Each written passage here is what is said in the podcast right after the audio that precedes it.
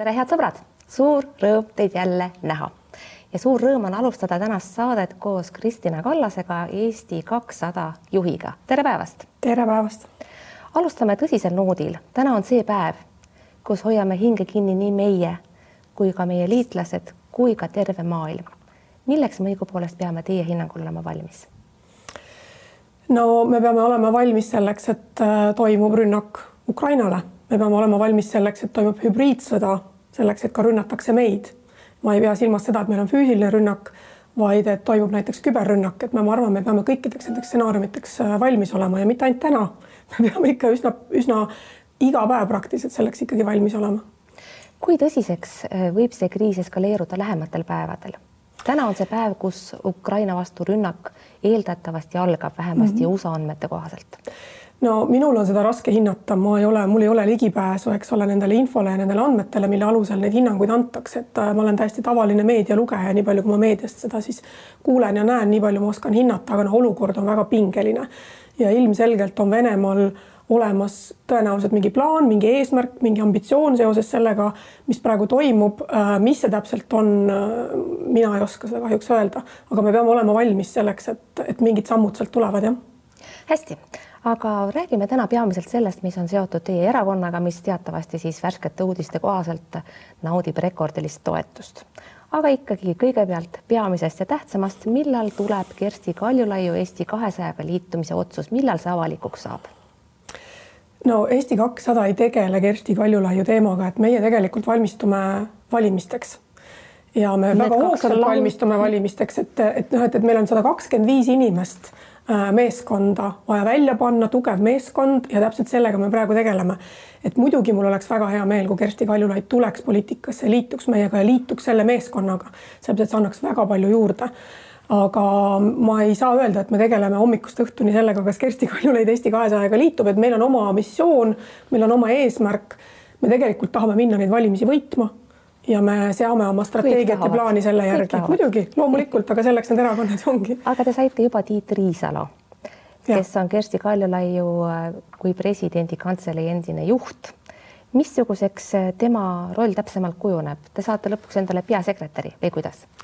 Äh, Tiit praegu aitab meil ja on aidanud juba viimased kaks nädalat kokku panna kampaaniaplaani ehk siis seda, mismoodi organisatsioon ja meeskond tööle hakkavad selleks, et see eesmärk täita, ehk siis valimised võita nii et äh, Tiit on üles seadnud äh, selle struktuuri, tööprotsessid ja osaleb praegu selles meeskonna töös, mis neid erinevaid tööprotsesse ja struktuure töö, tööle panevad, see on väga keeruline jutt, aga noh, sisuliselt tähendab see seda, et et kes vastutab äh, meeskonna ülesehitamise eest, kes vastutab kampaania planeerimise eest, kes vastutab programmi loomise eest, kes vastutab sponsorite raha tõstmise eest, et kogu see tööprotsess. ikkagi ka peasekretäri töö, raha toomine hakkab olema tema töö ei, see ei ole niimoodi, et kellelegi konkreetselt on see ülesanne antud, ei, et hetkel on see, et meil on meeskonnad ja need meeskonnad on hakanud tööle, meil on, me oleme loonud need meeskonnad. mina ei ole, mina ei ole kunagi olnud äh, erakonnas, kus on olnud peasekretär, meil ei ole, meil ei ole seda luksust isegi olnud Eesti kahesajal no,, me oleme niisugune poliitiline liikumine tegelikult. Eesti erakonna maastikul üsna veider, et teil peasekretäri ei ole, raha te ju ikkagi vajate ja aga me teeme seda teistsuguse meeskonna ülesehitusega, meil on palju dünaamilisem meeskond, sest meil on vaja palju kiiremini, ma tunnen, et meil on palju kiiremini vaja reageerida oludele kui see, mis niisugune vana standardne klassikaline erakonna struktuur sulle võimaldab, meil ei ole praktiliselt ühtegi sellist institutsiooni, mis vanadel erakondadel on loodud. puhtalt sellepärast, Vilja, muuseas, et, et ikkagi saaks Äh, võimalikult kiiresti tegeleda poliitiliste protsessidega, mitte, mitte tegeleda organisatsioonisiseste demokraatiaga. mina luban omalt poolt, et raha juurde jõuame veel tagasi, aga kõigepealt räägime paar sõna ka Taavi Linnamäest, kes on samuti teiega liitunud, mis siis tema tegema hakkab? tema on täpselt selles samas meeskonnas ja tema nõustab meid kommunikatsiooni osas, nii väliskommunikatsiooni kui ka sisekommunikatsiooni osas enne veel, kui me jõuame reitingute juurde, ikkagi see Kersti Kaljulaiu küsimus. Teie võite küll öelda, et ei tegele sellega iga päev, aga meedia mõtleb sellest iga päev ja mõnes mõttes öö, olete te ju päris lollis olukorras, see on see, mida oodatakse, see on otsus, mida, mille, millel peetakse silma peal, millal see sünnib.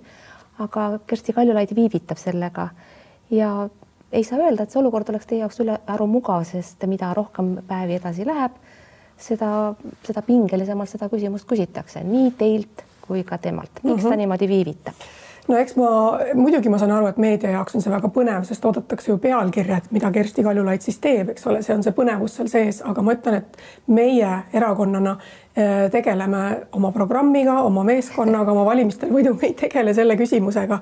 ma saan meedia huvist muidugi aru, see on täiesti arusaadav, aga miks Kersti Kaljulaid viivitab, ma arvan, et seda on vaja ikkagi tema käest küsida, et eh, tema peab omaenda plaanid ju ära tegema. see võimalus eh, seda küsida tekib mul juba järgmisel nädalal siin saates, aga ikkagi, kui nüüd kujutada ette, et Kersti Kaljulaid Eesti kahesajaga liituks, no ta ei saa ju leppida vähemaga kui erakonna juhi koht, kes on siis ühtlasi ka peaministrikandidaat. andke andeks, mis siis teist saab? Teate, tegeleme sellega siis, kui inimene ka päriselt on selle otsuse teinud, et ei täna saa, on see kõik väga olla. hüpoteetiline. ei saa ju olla kõik..., et ei ole sellest mõelnud, see ei ole ju võimalik. ei, me ei ole, ma ei ole päriselt sellest täna mõelnud, sellepärast et ma olen mõelnud Kersti Kaljulaidust kui inimesest, kes suudab sisuliselt väga tugevasti panustada ka meie näiteks programmiloomesse, sellesse, kuidas me Eestis tegelikult selle muutuse ära teeme ja me ei ole mõelnud sellest, kes milliseks ministriks saab või kes millise positsiooni konkreetselt võtab, me ei tegele sellega praegu, me tegeleme sellega, et me saaksime olla võimalikult tugev meeskond. olge andnud, see ei ole usutav okay. aga hästi, kui Kersti Kaljulaid enam president ei olnud või õieti oli viimaseid päevi president ja kampaania juba käis uue presidendi valimiseks, siis teda kui ametis olevat presidenti üldse kandidaadiks ei esitatudki. Eesti kakssada küll teda toetas, kuid Riigikogu välise erakonnana ei olnud tal võimalust teda esitada. miks tol korral ikkagi näiteks Reformierakond ei tulnud Kaljulaiu taha? et oleks saanud teda vähemasti kandidaadiks esitada. noh, Keskerakonna puhul on vastused võib-olla lihtsad ja paremini teada, aga Reformierakond oleks ju iseenesest ju võinud. no minu oletus on see, et see põhjus oli selles, et oli vaja hoida, eks ole, valitsuskoalitsiooni ja kui Keskerakond oli nii põhimõtteliselt vastu, siis oli ju näha, et et seda ei ole mõtet äh, minna suruma, et mindi siis otsima alternatiivseid kandidaate, mis iseenesest oli muidugi kurb, sellepärast et äh, meil oli väga hea president. hästi, jätame Kaljulaiu küsimuse nüüd siis järgmiseks korraks. Teil on tõepoolest väga hea toetus ja juba pikemat aega on päris selge, et Eesti erakonna maastik on põhimõtteliselt teisenenud. riigikogu valimistel võistleb esikoha pärast neli erakonda ja Eesti kakssada on üks nendest. kuid teie kõrge reiting on iseenesest kummaline, võib-olla võiks ju peaaegu öelda, et see on nii-öelda mitte midagi tegemise eest, valitsus vastutust ei kanna, kritiseerida on alati mugavam opositsioonis olles, kui valitsusvastutust kanda. millele õieti teie edu siis reitingutes põhineb teie enda hinnangul ähm,? ma arvan, et selle taga on väga suur rahulolematus ühiskonnas, noh, nii nagu ka EKRE toetuse taga, et et äh, see rahulolematus kanaliseerub täna nendesse alternatiivsetesse erakondadesse ja sest see rahulolematus on olemasolevate erakondadega, kes on ammu poliitikas toimetanud ja võimul olnud. ja kui me varasemalt saime rääkida rahulolematusest mingites konkreetsetes ühiskondlikes gruppides, et noh, EKRE-t toetavad maal elavad inimesed, kes äh, finantskriisi ajal väga valusasti pihta said siis täna me näeme tegelikult ka uuringute pealt seda, et see rahulolematus on väga laiades erinevates sotsiaaldemograafilistes gruppides ja ta on, ta on, ta on väga lai ühiskonnas väga suure haardega. Ja kes on rahulolematu sellega, et tema enda elu ei ole oluliselt paranenud viimase kümne aasta jooksul, aga kes on rahulolematu sellega, et Eesti riigi juhtimine ei ole, on läinud tegelikult kogu aeg halvemaks viimase kümne-viieteist aasta jooksul ja see rahulolematus kanaliseerub sinna, et on lootus, et tulevad uued inimesed, uued erakonnad, äh, eksperdid tulevad rohkem poliitikasse ja seal see toetus on, sest inimesed no, loodavad selle peale. Eesti valijale uued erakonnad meeldivad, see on teada, kuid paljalt rahulolematute häältega te neid valimisi ju selgesti ei võida, te peate kindlasti saama häält, hääli ka teiste erakondade valijatelt. miks peaks näiteks teie kasuks otsustama Reformierakonna valija? sest ka teiste erakondade valijad on tänaseks rahulolematud. Aga vaatame erakondade kaupa, aga vaatame erakondade kaupa. Te tahate saada hääli Reformierakonnalt, mis argumendiga? Me tahame saada hääli nendelt inimestelt, kes tahaksid, et Eestis toimuks tegelikult muutus. Tahate... kas nad on Reformierakonna taga, kas nad on Keskerakonna taga, nad võivad olla ka tegelikult Isamaa sotsiaaldemokraatide taga. just nimelt, te tahate saada valijaid ka sotsiaaldemokraatidelt ja isegi EKRE-lt, missuguste argumentidega? tegelikult on väga palju valijaid, kes ei ole viimastel valimistel ka valimas käinud just nimelt selle tõttu, et nad lihtsalt ei ole leidnud endale seda erakonda, kelle poolt valida, aga sealt tuleb meie toetus. et me oleme mingi lootuse inimestele andnud, et on, kelle poolt valida, et äkki nüüd need inimesed, kes on poliitikavälised inimesed, ikkagi suudavad teha äh, muutust ja see on see lootus, mille peal see praegu püsib. Te olete öelnud, et teie jaoks ei ole tähtis erakonna liikmete suur hulk ja te valite väga hoolega inimesi, kes teiega liituvad. aluseks võiks olla siis ühiselt jagatud maailmavaade, kuid maailmavaade on ju segasemaid asju Eesti kahesaja puhul üldse ja seesama pika plaani jutt ka, mida te olete aastaid ajanud, mõned juba naeravad selle üle, keegi ei tea täpselt, mis see pikk plaan on. Arusaadavasti ei saa seda mõne lausega kokku võtta, kuid proovime siiski. Väga hea näide, väga hea näide pika plaani puudumisest on kusjuures see, mis juhtus meie energeetikaturul see on väga hea näide. On... ja see on täpselt see, mida, millest Eesti kakssada räägib, et täna on vaja ära teha otsused näiteks haridusvaldkonnas, rohepöördes, tervishoiusüsteemis, meie taristu ülesehitamises, riigireformi valdkonnas selleks, et need tulemused, mis tulevad kümne-kahekümne aasta pärast, oleksid nagu etteaimatavad, et me suudame ette planeerida seda, et see on see pikk plaan. kui me ainult toimetame selliste nelja-aastaste tsüklitega, mida vanad erakonnad päris tihti teevad, et noh, mida me nelja aasta jooksul suudame inimestele ära lubada, selle paneme valimisprogrammi programmi sisse, ülejäänud asjadega ei tegele no,. aga ülejäänud asjad on jäetud tegeleda ametnikkonnale no,. aga, aga ametnikkond ei kanna poliitilist vastutust. niimoodi, poliitikud mõtlevadki valimistest valimiteni, kes tahab teiega siis koalitsiooni teha, kui teie räägite asjadest, mis toimuvad viiekümne või saja aasta pärast, mitte üks poliitik niimoodi ei mõtle ei no meiega koalitsioon mingil hetkel muutub väljapääsmatuks selles olukorras, kus me sinna parlamenti sisse saame, me oleme tugev, tugev jõud, et sul, sul ei olegi tegelikult valikut, sa pead Eesti kahesajaga koalitsiooni tegema Äh, ideaalne oleks meie jaoks see, kui meie oleme need, kes valivad endale koalitsioonipartnerid, ehk siis meie võidame need valimised. väga enesekindel, ei saa ju iseenesest välistada võimalust, et te jääte Riigikogust välja, tõsi, see on vähetõenäoline nüüd. ma arvan, et see on väga vähetõenäoline. aga siiski, kas see on võimalik? ei, ma arvan, et see ei ole võimalik, ehk siis tegelikult me oleme järgmises valitsuses ja järgmises valitsuses on meie roll Äh, survestada seda, et me teeme otsuseid, mis vaatavad kümme-viisteist aastat ette, muuhulgas ka neid, mis on vaja täna teha. loomulikult poliitikas on vaja teha väga kiireid otsuseid ka tänase päeva kohta. aga me peame hakkama tegema ka otsuseid äh, nii-öelda suurte struktuursete muutuste kohta ja noh, meie jaoks kõige kriitilisem täna, kus on otsused jälle pikalt tegemata ja kuigi täna ei ole nagu nii-öelda süsteem kokku kukkunud, aga ta on sinna suunas liikumas, on näiteks haridussüsteem.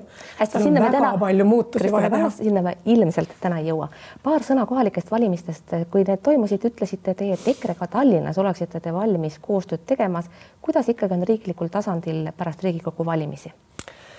Äh, ma ei näe võimalust, et meil oleks EKRE-ga võimalik kokku leppida ükskõik milles, mis puudutab Eesti tulevikku, nii et äh, ma ei näe seda koostöövõimalust EKRE-ga koalitsiooni moodustamiseks Riigikogu tasandil, ma ei näe seda võimalust. miks te kohalikel valimistel Tallinnas ei kandideerinud, kui te oleksite olnud Tallinnas linnapea kandidaat, siis oleks võib-olla teie erakonnal läinud Tallinnas ka paremini. selle asemel panid teile kandidaadiks hoopis ühe reklaamiärimehest naljamehe, keda võib-olla isegi igasse debatti ei kutsutud, miks nii?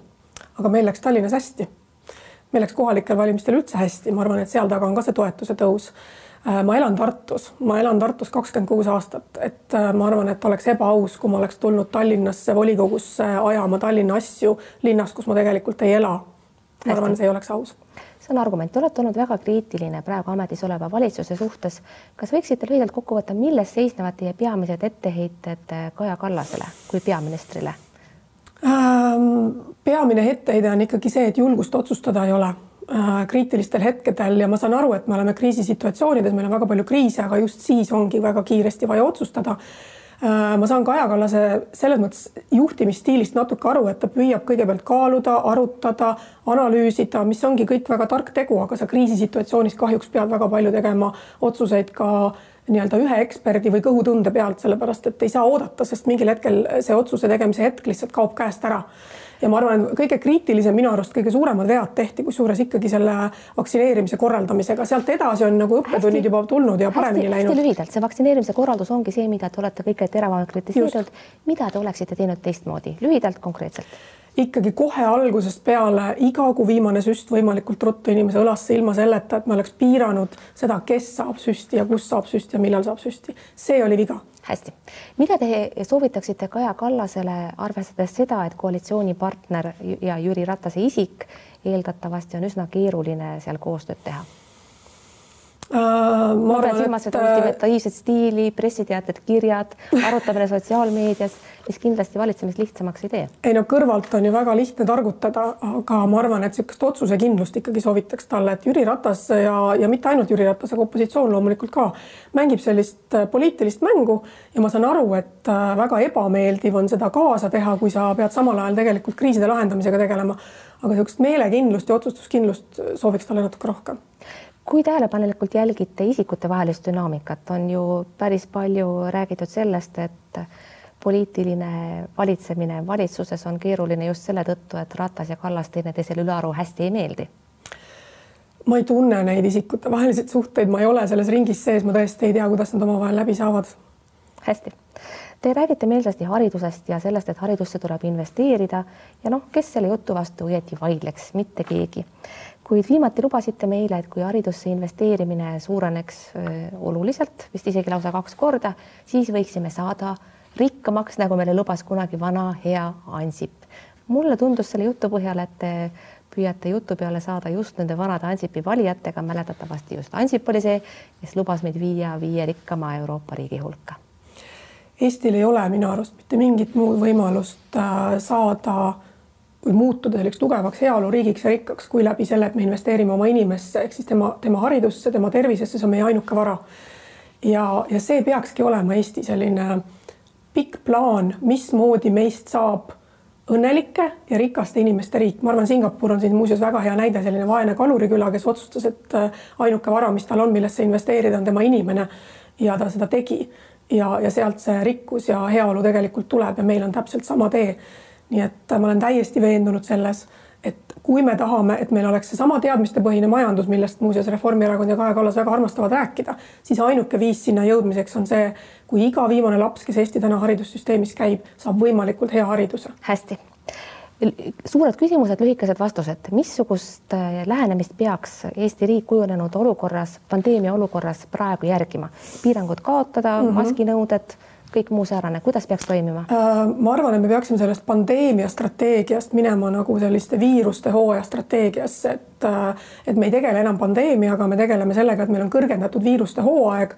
see tähendab seda, et inimesi tuleb suunata vaktsineerima võimalikult palju, vaktsineerimine hästi kättesaadavaks teha, pidevalt meelde tuletada vaktsineerimine enam ei aita. me oleme ära unustanud selle, meil tegelikult kommunikatsioonis on vaktsineerimine jälle pildilt ära kadunud, me tegeleme hoopis no, piirangutega. see ei, sellest ei ole kasu, kolm doosi teinud inimesed jäävad ühtelugu haigeks, mõni juba teist korda. Nad ei lõpeta haiglas, nad ei lõpeta haiglas ja nad ei lõpeta surres.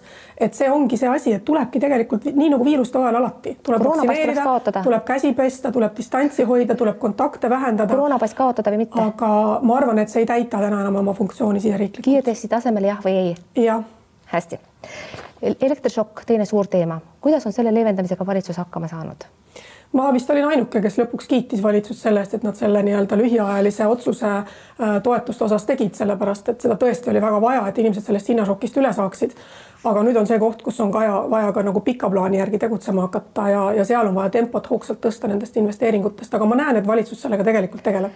Rohepööre sellega seoses. Hästi, jällegi hästi lühidalt ja konkreetselt, kuivõrd õnnestub valitsusel ja valitsuse erakondadel selle vajalikkust kujunenud keerulises energiasituatsioonis inimestele teadvusse viia? kahjuks mulle tundub, et valitsusel ei ole plaani rohepöörde osas, nad, nad ei ole selget arusaama sellest, mis nüüd siis tegema tuleb hakata, sellest räägitakse. Äh, väärtused on nagu paigas, aga mida konkreetselt tegema hakatakse, seda plaani ei ole, ma ei ole seda näinud loodetavasti saate ennast siis nende plaanidega kurssi viia vähemasti selleks ajaks, kui Riigikogu valimiste kampaania täies mahus käima läheb. lõpetuseks natukene rahast lubasin teiega rääkida, vaatasin, et ligemale kaheksakümmend tuhat eurot kogus erakond Eesti kakssada eelmise aasta viimases kvartalis, õige, eks ole? kes on täpsemalt see Tarmo Tamm, kes ei ole endine keskerakondlasest noh, avalikult tuntud tegelane, kes annetas teile üle kahekümne tuhande, kahekümne kuue tuhande euro annetas ka Reformile? ettevõtja. see ettevõtja? ja tema on, tema on mm -hmm. ettevõtja jah, ta on meil juhatuse liige ja ettevõtja jah. kuidas õnnestus Oleg Ossinovski tuua teie annetajate hulka? Äh, ta väga elas kaasa abielureferendumi teemale ja, ja tahab väga toetada liberaalseid erakondi, kes võitlevad selle eest, et Eesti jääks liberaalseks riigiks. see oligi nii lihtne, see vastus ongi täpselt sellepärast ta ütles, et ma tahan teid toetada, sest te võitlete selle asja eest hästi, te ise panustasite kolm tuhat viissada eurot, seda on päris palju, kuidas teil õnnestus nii suur summa säästa? no mul ikka on sääste jah kui ma õigesti olen asjadest aru saanud, parandage mind palun, kui ma eksin, siis teie praegune ainuke tasustatav töö on Tartu Ülikooli Narva kolledži teaduri koht umbes null koma kahe. ei, mul on ikka erakonna esimehe palk ka. kes seda erakonna esimehe palka teile maksab? erakond maksab. erakond maksab, kui ja. suur see on? See on tuhat kaheksasada eurot. ja see tuleb siis nagu raha, rahastajate taskust? see tuleb riigieelarve toetusest ahah, see on tegelikult iseenesest huvitav, sest tavaliselt teevad äh, Riigikogu mandaadiga erakonnajuhid seda tööd tasuta, aga teile maksab erakond tuhat kaheksasada eurot selle eest, et juhite erakonda. jah, sellepärast et see on mu põhitöö täna. Ikkagi see ei ole ju väga suur summa, kuidas õnnestus sellest säästa kolm tuhat viissada eurot erakonnale annetamiseks? ei no mul on ikka varasemad säästud selles mõttes, et see ei ole säästetud nüüd viimase kahe aasta jooksul, mul on neid sääste ikka oluliselt rohkem varasemast ajast missugust summat võiksime näha teie nime taga järgmise kvartali aruande? ma ei ole seda planeerinud, ma ei ole seda planeerinud. hästi, viimaseks ja lõpetuseks, te olete üks väheseid Eesti poliitikuid, kellel on doktorikraad, on sellest poliitika tegemisel pigem kahju või kasu? kasu ikka, ikka kasu. Kristjan Kallas, suur tänu teile selle vestluse eest, head sõbrad, aitäh, et te vaatasite. vaadake teinekord ikka jälle, mingu teil vahepeal hästi, olge terved, kuulmiseni ja nägemiseni.